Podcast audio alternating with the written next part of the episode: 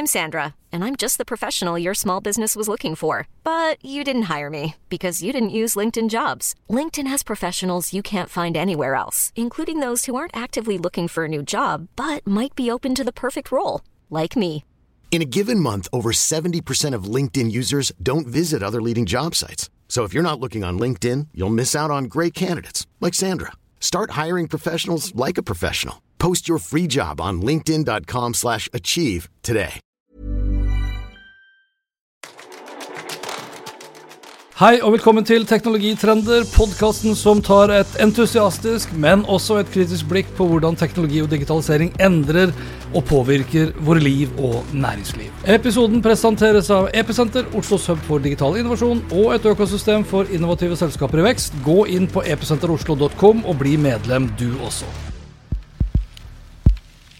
Har du hørt om social shopping, eller social selling, social commerce, eller sosial handel, som jeg kalte det nå for snart tre og et halvt år siden, da jeg tok for meg fem netthandelstrender man burde følge med på. Da hadde det å handle over sosiale medieplattformer som Instagram, Facebook, Pinterest og Snapchat annet økt med nærmere 40% i løpet av det siste året.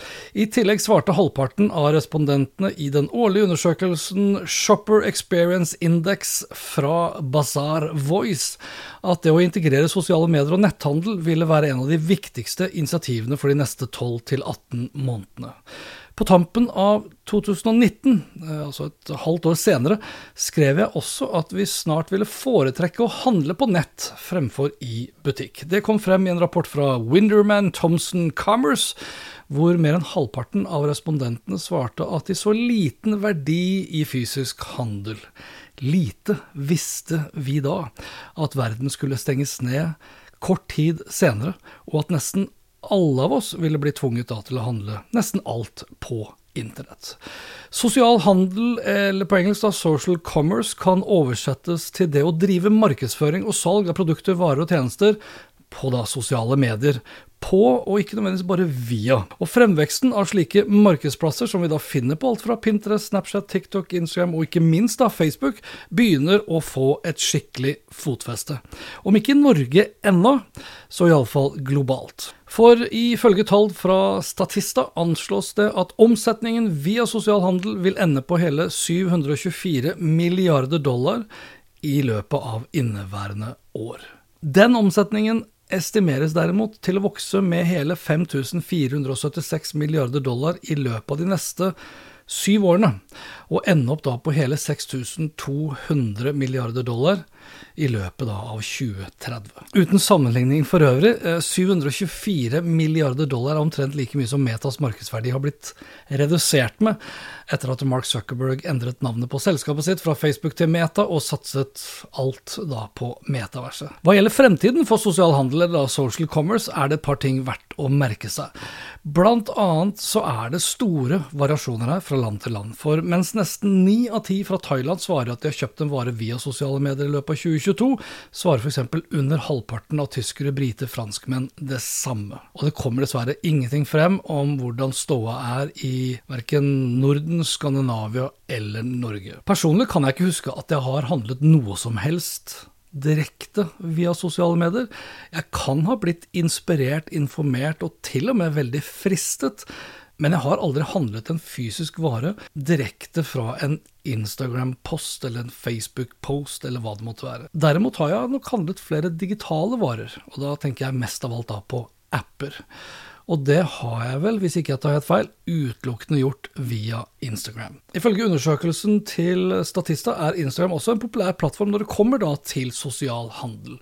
24% svarte at de trodde de kom til å handle via Instagram i løpet av 2022. Derimot svarte hele 33% det samme når det kom da til Facebook, mens kun 8 og 4% svarte det samme når det kom da til henholdsvis TikTok og Pinterest. Og nå som vi går da inn i relativt uh, travle shoppingdager med alt fra Singles Day, Black Friday, Cyber Monday, Black Week, Black Month, Farsdag og ikke minst da hele julegavehandelen som står og venter på oss, så er det jo verdt å merke seg da at svært mange cyberkriminelle har lyst til å kapitalisere nettopp på vår kjøpslyst, vårt kjøpsbehov, eller kjøpetvang hvis du vil, alt ettersom hvordan du ser på det å handle unødvendige julegaver til nære og fjerne, for vi har jo tross alt alt vi trenger når alt kommer til alt. Hva gjelder cyberkriminelle og svindlere, så er det også verdt å nevne at Facebook alene fjerner i underkant av 18 millioner falske kontoer hver eneste dag. Et volum som har holdt seg forholdsvis uendret siden 2019. Altså det er samme året som da jeg begynte å skrive om sosial handel for første gang. Og det kan ikke utelukkes at det finnes flere falske nettbutikker bak slike falske profiler. Når det kommer til kinesiske TikTok, som vi vet sender data om oss til det kinesiske regimet, som da bruker disse dataene til statssponsa cyberangrep mot oss, er det også verdt å merke seg at den populære plattformen, i motsetning til metaeide Facebook og Instagram, ikke aktivt fjerner falske profiler.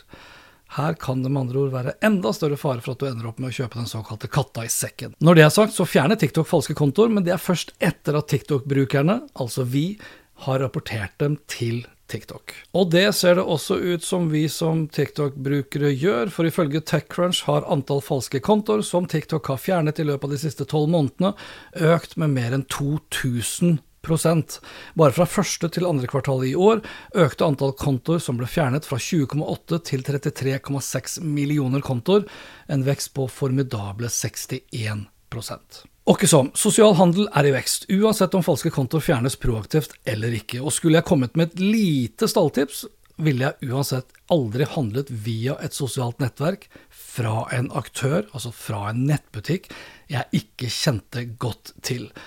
I tillegg så ville jeg uansett aldri handlet via TikTok eller andre kinesiske apper og tjenester for den sakens skyld. Ikke nå lenger. Det er det rett og slett ikke verdt. Så happy shopping, men også trygg shopping, og ikke for mye shopping, for det er tross alt ikke bra, verken for lommeboka di eller miljøet. Og dette var det.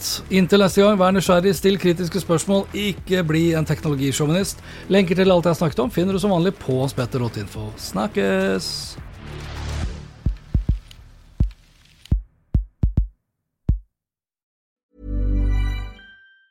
Even on a budget, quality is non-negotiable. That's why Quince is the place to score high-end essentials at 50 to 80% less than similar brands. Get your hands on buttery soft cashmere sweaters from just 60 bucks, Italian leather jackets, and so much more. And the best part about Quince, they exclusively partner with factories committed to safe, ethical, and responsible manufacturing. Elevate your style without the elevated price tag with Quince. Go to quince.com slash upgrade for free shipping and 365-day returns.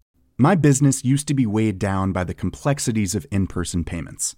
Then, Tap to Pay on iPhone and Stripe came along and changed everything. With Tap to Pay on iPhone and Stripe, I streamlined my payment process effortlessly. Now I can accept in-person, contactless payments right from my iPhone. No extra hardware required. What's truly remarkable is how I can cater to all of my customers' payment preferences. Whether they're using cards, Apple Pay, or other digital wallets, Tap to Pay on iPhone and Stripe ensure a smooth checkout experience every time.